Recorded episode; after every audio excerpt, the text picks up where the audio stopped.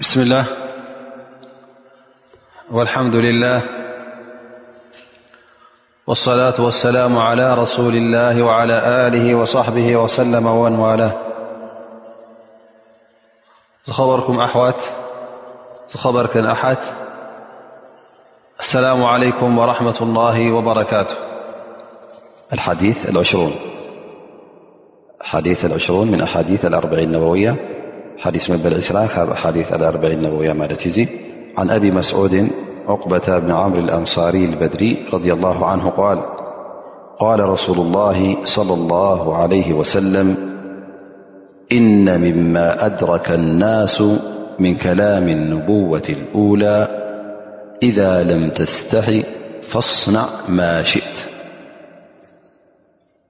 ረዋሁ ኣልቡኻሪ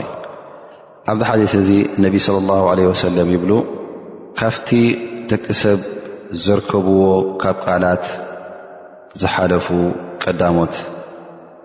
ኣንብያ እንተ ደኣ ዘይተሓንኽ ኮንካ ዘይተሓፍር እተ ኮንካ ዘይትስከፍ እተ ኮንካ ድላይካ ግበር እያ ትብል ዚ ሓዲስ እዚ ኣብ ሕፅር ዝበለ ትንተና እንሻ ላ ኣብሲ ነዊሕ ትንተና ድማ ሕጂ ሰግር ጠበ እዚ ሓዲስ እዚ እታ ቀንዲ ነጥቢ ሒዝዋ ዘሎ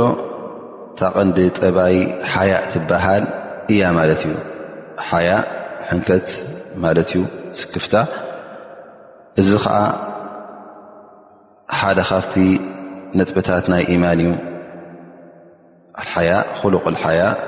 እዚ ስነ ምግባር እዚ ናይ ሓያ እዚ ካብቲ ናይ ኢማን ተግባራት እዩ ዝቁፅር ማለት እዩ ሓያ ድማ ኩሉ ግዜ ር እዩ ንር ድማ ዝመርሕ ር ከዓ ይስሕብ ሓያእ ክበሃል እንከሎ እንታይ እዩ ሓያእ ይብሉ ኩሉ ንሕማቕ ፅያፍ ነገራት ንክትገድፍ ዝደፋፍኣካን ካብ ፅቡቕን ሰናይን ዘይትርፈካን ጠባይ እዩ ይብሉ ስለዚ እሱ እቲ ሓያእ ዝበሃል ነቢ ስለ ላ ሰለም ሓይ ነይሮም ሓይቱ ካነ ኣሸዱ ሓያء ምን ዓድራኢ ፊ ክድሪሃ ማለት ነቢ ስ ሰለም እቲ ሓያ ናቶም ክትሪኦ ከለኻ እቲ ሕንከት ወይከዓ ሕፍረት ናቶም ክትሪኦ ከለኻ እቲ ስክፍታ ናቶም ክትርኢ ከለኻ ዝያዳ ካብ ተን ደቂ ኣንስትዮ ገና ኣዋልድ ዘይተመርዓዋ ካብእን ዝሓንኩ እዩ ዝመስለካ ነይሩ ማለት እዩ ስለዚ እዚ ሓያ እዚ እቲ ካብ ሰናይ ዘየትርፈካ ካብ ኩሉ እከይ ዘብኡ ውን ዝርሕቐካ ኣድላይ ጠባይ ይኸውን ማለት እዩ እዚ ጠባይ እዚ እውን ጠባይ ናይቶም መላእካ እዮም መላእካ ሓያ ገብሩ እዮም ከማ ቃል ነቢ ስ ሰለም ኣላ ኣስተሒ ምን ረጅሊን ተስተሒ ምንሁ መላእካ እዚ ንመን እዩ ንዑስማን ብን ዓፋን ከምዚ ኢሎም ማለት እዩ ኣነስ ካብቲ መላእካ ዝሓፍርዎ ሰብ ካብኡ ዶ ኣይሓፍርን ይኣነ ኢሎም እነቢ ስ ሰለም ማለት እቶም መላእካ ካብ ሰይድና ዑስማን እውን ይሓፍሩን ይሓንኩን ነይሮም ማለት እዩ ብ እነቢ ስ ሰለም ኣብዚ ሓዲስ እዚ ክጠቕሱ ከለዉ እዚ ቃል እዚ ወይ ከዓ እታ እዛ ለም ተስተሒ ፈስናዕ ማሽእታ ትብል ቃልሲ ካብቲ ቃላት ናይ ቀዳሞት ኣንብያ ዝተረፈት እያ እሞ እዛ ቃል እዚኣ ክሳዕ ሎሚ ትቕፅል ኣላ ኢሎም ተዛሪቦም ማለት እዩ ድሕሪ ኣንብያ ዝፀንሐ ካብኡ ተዋረሶ ወዲ ሰብ ማለት እዩ እዛ ቃል እዚኣ ሓፃር ቃል ፅቡቕቲ ቃል ፋይዳ ዘለዋ ቃል ስለ ዝኾነሲ ወላ ኣብቲ ግዜ ጃህልያ እውን ትስማዕ ነይራ ማለት እዩ እዚ ነገር እዚ እውን እቶም ኩሎም ኣንብያ ሓያ ምግባር ሓያ ኣድላይ ከም ምኳኑ ነዚ ነገር እዚ ተገዲሶም ሓቢሮምሉ እዮም እንታይ ማለቶም ነቢ ስ ሰለም ኢዛ ለም ተስተሒ ፈስናዕ ማሽእት ዑለማ ነዛ ነገር እዚኣ ብሰለስተ ትንተና ተንቲኖማ ማለት እዩ ቀዳማ ኢሎም እዚ ታህዲድ እዩ መጠንቀቕታ እዩ ማለት እነቢ ስ ሰለም የጠንቅቑ እዮም ዘለዉ ተ ሓያ ዘይብልካ ኮንካ ድላይካ ግበር ይብልካ ኣለዉ እሞ ድላይካ ግበር ማለት ተፈቒዱካ ማለት ኣይኮነን እንታይ ደኣ እንተ እቲ መቕፃዕቲ ትኽእሎ ኮንካ ሕራይ ስከ ድላይካ ግበር ሓያት ዘይብልካ ኮንካ ክትነብር እቲ ዘጓንፈካ ሽግራት እንተ ዘይተስተውዕለሉ ኮንካ ዘይትርድኦ እተ ኮንካ እሞ ድላይካ ግበር ኢሎም ከም ታህዲድ ከም መጠንቀቕታ እዩ እዚ ነገር እዚ እዚ ትእዛዝ እስናዕ ክብለካ ከሎ መጠንቀቕታ እዩ ዝበካ ዘሎ በር ግበር እሞ ድላይካ ግበር ክብለካ ከሎስ ከፈራርሃካ ኢሉ ዳኣ እምበር ግበር ማለትስ ንክትገብሮ ንክትፍፅሞ ኣይኮነ ይብሉ እዚ እቲ ሓደ ትርጉም ማለት እዩ ካልኣይ ትርጉም ነዚ ሓዲስ ዝተርጎምዎ ቃሉ ኣኣምሩ ልኢባሓ ማለት እነቢ ስለ ላ ሰለም እቲ ነገር ፈፅሞ ግበሮ እዮም ዝብሉና ዘለዉ ከመይ ማለት እንተ ደኣ ሓደ ነገር ንክትገብሮ እንከለኻ ካብቲ ትገብሮ ዘለኻ ወይ ከዓ እቲ ትገብሮ ዘለኻ ዘሐንኽ ነገር እንተ ደኣ ዘይኮነ ካብ ኣላህ ካብ ረሱል ካብ ሰብ ዘየሕፍረካ እንተ ኮይኑ ማለት ቅቡል ነገር ኮይኑ እንተ ረኪብካዮ እዚ ሕጂ ግበሮ ኢኻ ግን እንተ ደኣ እዚ ነገር እዚ ክትገብሮም ከለኻ ሕንከት ይስምዓካ ስክፍታ ይስምዓካ እተ ኮይኑ ኣብ ቅድሚ ኣላህ ንክትገብሮ ኣብ ቅድሚ ሰብ ንክትገብሮ እንተ ደኣ ዝሰክፈካ ኮይኑ ኣይትግበሮ ማለት እዩ ኢሎም ዑለማእ ኻልኣይ ትንተና ከምዚ ይብሉ ማለት እዩ ሳልሳይ ድማ ትርጉሙ ይብሉ እንታይ ክኸውን ይኽእል እዚ ነገር ሲ ነቢ صለ ላه ለ ወሰለም ከም ወሬ ከም ምንጋር እዮም ዝነግሩና ዘለዉ ማለት እንተ ደኣ ንሕማቕ ነገር ንኽፉእ ነገር ንኽትገብር ዝኽልክለካ ሓያ እንተ ደኣ ኮይኑ እሞ እንተ እዚ ሓያዚ ዘየለ ኮይኑ ኩሉ ግዜ ኣብቲ ማዕስያ ኣብቲ ሕማቕ ነገርሲ ክትቅፅል ኢኻ እዮም ዝብልኻ ዘለ ማለት እዩ ስለዚ ሓያ ግበር እተ ሓያ ዘየለ ኮይኑ እንታይ እዩ ዝኽልክለካ ነገር የለን ስቑኢልካ ክትቅፅል ኢኻ ኢሎም ይጠቕሱ እዮም ዘለዎ ማለት እዩ ስለዚ እቲ ሓያ ኣድላይነት ከም ዘለዎ ይነግሩን ኣለዎ ማለት እዩ ሓያ እንተዝኣዘየለ ግን እንታይ ይኸውን ማለት እዩ እቲ ማዕስያ እቲ ፅያፍ ዝኾነ ነገር እተዘይፍትው ነገር ሲ ክትቅፅሎ ኢኻ እዮም ዝብሉ ዘለዉ ነቢ ስ ሰለም ከም ምንጋር ይነግሩን ኣለዎ ማለት እዩ ሓያ ዘይብሉ ኩሉ ግዜ ስቑኢሉኡ ዝኸይድ ጉዕዝኡ ዝቕፅል ሓያ ንገዛ ርእሱ ክልተ ዓይነት እዩ ሓደ ዓይነት እንታይ እዩ ናይ ተፈጥሮኣዊ ናይ ባህርኻ ዝኾነ ብኡ ትፍጠር ማለት እዩ ማለት ኣለዉ ሰባት ብተፈጥሮኦም ሓያ ዘለዎም ሕንከት ዘለዎም ማለት እዩ እዚ ሓያ ድማ ፅቡቕ እዩ ምኽንያቱ ከምቲ ነቢ ስ ሰለም ዝበልዎ ላ ያእቲ ኢላ ብከይር ሓያ ኩሉ ግዜ ነቲ ሰብ ር እዩ ዘምፃሉ ሓያእ ላ የእቲ እላ ብር ስለዚ ገለ ሰባት ኣለዉ ካብ ፅያፍ ነገራት ካብ ሕማቕ ነገራት ካብ ዘየድሊ ነገራት ዝርሕቁ ክርሕቁ ከለዉ ዲን ኣለዎም ወይ ከዓ ትምህርቲ ኣለዎም ተማሂሮም ዲን ፈሊጦም ኣይኮኑ እንታይ ደኣ እቲ ነገር ፅያፍ ስለ ዝኾነ እታ ነፍሶም ስክፍክፍ ስለ ትብሎም ብኡ ይገድፍዎ ማለት እዩ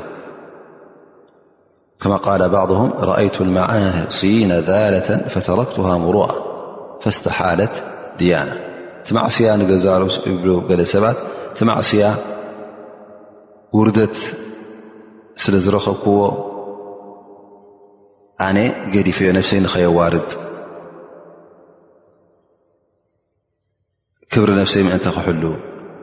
ይብል ማለት እዩ ብድሕሪኡ ድማ ዲን ኮይኑ እታ ሕፍረት ጠቒማኒ ማለት እዩ ብሕፍረት ዝገደፍክዎ ብዲን ድማ ዳሕራይ ናብ ዲን ተለዊጡ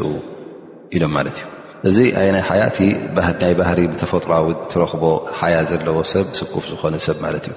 ኣሎ ከዓ እቲ ስክፍታ ካብ ምንታይ ተምፅኦ እቲ ሓያ ድማ ብምንታይ ይመፀካ እንተ ተማሂርካ እተ ዲንካ ፈሊጥካ ክብሪ ኣላ ስብሓን ወተላ እውን ተዓሊምካ ስለዚ ካብ ኣላ ስብሓን ወተላ ትሓንኽ ትሓፍር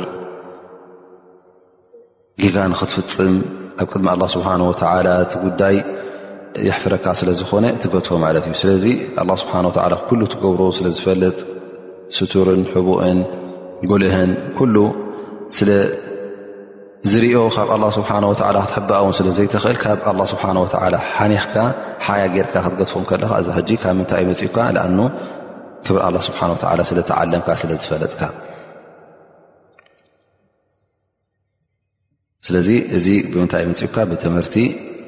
ኣምፅካዮ ማለት እዩ ነየናይ ነዚ ሓያ እዚ ጠብ ሓያ ክንብል ከለና እቲ ፍቱው ዝኾነ ቅቡል ዝኾነ ሓያ ኣየና እዩ ምክንያቱ ኣሎ ሓያ ቅቡል ዘይኮነ ሓያ ሓያ መስለካ ግን ሓያ ኣይኮነን እሱ ከዓ እቲ ሓያ ዝበሃል ትፍት ሓያ ኣይና እዩ እቲ መገዲ ኣላ ስብሓን ወተላ ኣትሒዙካ ዝኸይድ መሰል ኣላ ስብሓን ወተላ ትሕልወሉ እንተ ደኣ ግን መሰላት ዘይትሕልወሉ ናይ ሸርዒ መገዲ ትጥሕሰሉ እንተ ደኣ ኮይኑ እዚ ሓያ እዚ ሓያ ኣይኮነን እንታይ ደኣ ስንፈትን ውርደትን እዩ ምናልባሽ ገለ ሰባት ሓያ ይብሉ ይኹኑ ሓያ በቲ መልክዑ ተረኣኻዮ ብግዳም ሓያ መስል ይኸውን ዳኣ እንበር ግን ሓያ ኣይኮነን ስለዚ ማለቶም እንተ ደኣ ሓደ ሰብ ሓፊሩ ወይ ከዓ ሓኒኸይሉ ሰላት ክገድፍ እንተ ደኣ ኮይኑ ዝግብኦ ነገራት እንተ ደኣ ከጉድል ኮይኑ ካብቲ ኣላ ስብሓን ወተዓላ ዝኣዘዞ ነገራት ክተርፍ እንተ ደኣ ተረኺቡ እዚ ሰብ እዚ ብሰንኪ ሓያ ገዲፍዎ እንተ ደኣ ኮይኑ ነዚ ነገራት እዚ ሓያ ኣይኮነን እዚ ሕፍረት እዚ ቅቡል ኣይኮነን ስለዚ እቲ ሓያ ዝበሃል ቅቡል ሓያ ኣብ ቅድሚ እስልምና ወይ ካብ ቅድሚ ኣላ ስብሓን ወተዓላ ኩሉ ግዜ ናብ ሰናይ ዝመርሓካን ካብ እከይ ዘርሓቐካን ግን እንተ ደኣ ሓኒኽካ ኣምር ብልማዕሩፍ ወናሃ ዓን ሙከር ክትገድፍ እንተ ኮንካ ሓፊርካ እንተ ዳዕዋ ክትገድፍ እንተ ኮንካ ብሰንኪ ሕፍረት ማዕስያ ክትገብር እንተ ኮንካ ሕጂ እዚ እንታይ ይኸውን ኣሎ ማለት እዩ እዚ ቅቡል ሕንከት ኣይኮነ ቅቡል ሕፍረት ኣይኮነ እንታይ ደኣ እዚ ዘይቅቡል ፅሉእ ዝኾነ ሕንከት እዩ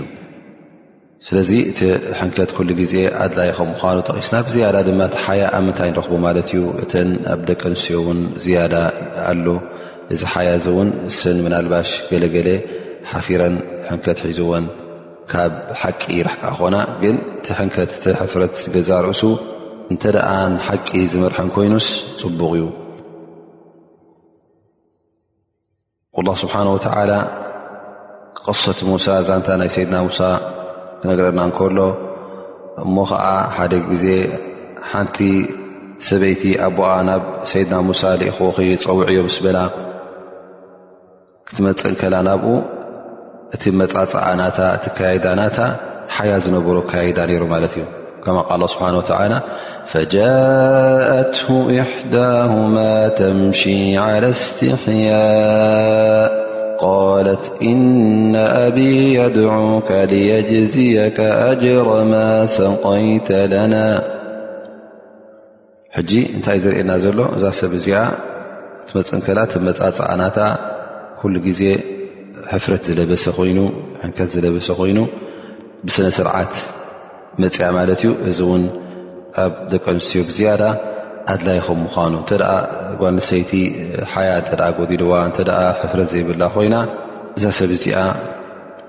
ናብ ጌጋ ክትወድቕ ቐረባ ትኸውን ማለት እዩ እሰን እውን መብዝሕተን ተንደቅንስዮ ጓል ንስተይቲ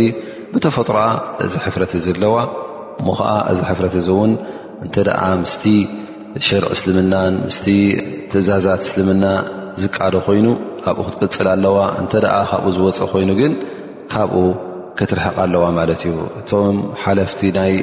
ስድራ ዝኾኑ ኣቦን ኣደታትን እውን ንደቁ ነተን ኣዋልድ ብዝያዳ ከምኡ ውን ነቶም ኣወዳት ን ኩሎም የድልዮም እዩ ሓያ ከምቲ ዝበልናዮ ላ ያእቲ ኢላ ብር ትሕፍረት ሕንከት ረቢ ዝፈትዎ እዩ ር ሒዙ ዩ ዝመፅእ እውን ብዝያዳ ተን ደቂ ኣንስትዮ ንሰን ብዛዕባ እዚ ነገር እዚ እቶም ሓለፍቲ ስድራ ኣቦን ኣደን ከምህርዎን ኣለዎም ክዕልምዎን ኣለዎን እንተ ደኣ ነቲ ሓያ ቀንጢጠንኦ ግን ኣብ ብዙሕ ጌጋታት ክወድቃ ስለ ዝኽእላ ካብዚ ነገር እዚ ክንጥቀቕ ይግባእ ማለት እዩ እዚ ሓዲስ እዚ ከምቲ ዝረኣናዮ ጠብ ሓያ ኣድላይ ከም ምኳኑ ኸይር ሒዙ ከም ዝመፅእ ብዙሕ ሓያ ዝገበር ድማ ብዙሕ ር ከም ዝረክብ ይሕብረና ማለት እዩ ሓያኡ ዝወሓደ ፎኪስ ዝኾነን ድማ እዚ ሰብ እዚ እቲ ርናቱ ውሕድ ከም ምኳኑ ይሕብረና ማለት እዩ ከምቲ ዝበልናዮ እቲ ሓያ ክልተ ዓይነት እዩ ቅቡል ሓያ ኣሎ ፅሉእ ዝኾነ ሓያ ኣሎ እንተ ካብ ትምህርቲ ዘትርፈካ ኮይኑ ሕጂ ሓያ እዚ ቅቡል ኣይኮነን እንታይ ደኣ ፅሉእ ዝኾነ እዩ ካብ ሓቂ ምፍላጥ ካብ ሓቂ ዘርሕቐካ እተ ኮይኑ እዚ ሓያ እዚ እዚ ሕፍረት እዚ ቅቡል ኣይኮነን ከምቲ ዝበልናዮ ወልይ ኣምር ሓላፊ ስድራ ውን ነዚ ነገር እዚ ክግደሰሉ ኣለዎ እቶም ውላዱን ደቁን ኩሎም ሓያ ከምህሮም ከም ዘለዎ እዚ ሓያ እዚ ኩሉ ግዜ ክብርኻ ከም ዝሕልወልካ ር ከም ዘለዎ እውን ጠቒስና ማለት እዩ እንተ ሓያ ዘየሎ ሕፍረት ዘየሎ ከዓ ኩሉ ግዜ እንታይዩ ዝመፅእ ወቓሓ ይመፅእ ማለት እዩ ኣብ ዘየድሊ ጌጋታት ምውዳቕ ይጀምር፣ ማዕስያ ክገብር እንከሎ ኣብ ቅድሚ ሰብ ዝባኑ ቐሊዑ ከይሓፈረ ተጠሊዑ ክጀሃር ትረኽቦ ማለት እዩ። እዚ ሕጂ ኩሉ እንታይ ይኸውን ማለት እዩ?